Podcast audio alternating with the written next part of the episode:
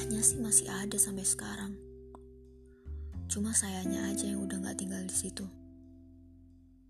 Yang mustahil bukan cari rumah yang sempurna, tapi cari rumah yang seperti dia. Saya sudah kehilangan dia. Saya gak mau kalau juga harus kehilangan waktu. Rasa pertama gak akan bisa digantikan oleh rasa-rasa berikutnya. Buat apa berusaha lupa kalau segala hal yang dihapus pasti meninggalkan jejak. Move on itu bukan tentang melupakan, bukan tentang merelakan, tapi tentang belajar. Oh, ternyata begitu ya, kecewanya kalau terlalu bergantung sama orang lain. Karena pulang bukan tentang rasanya nyaman, tapi tentang bertahan. Terima kasih.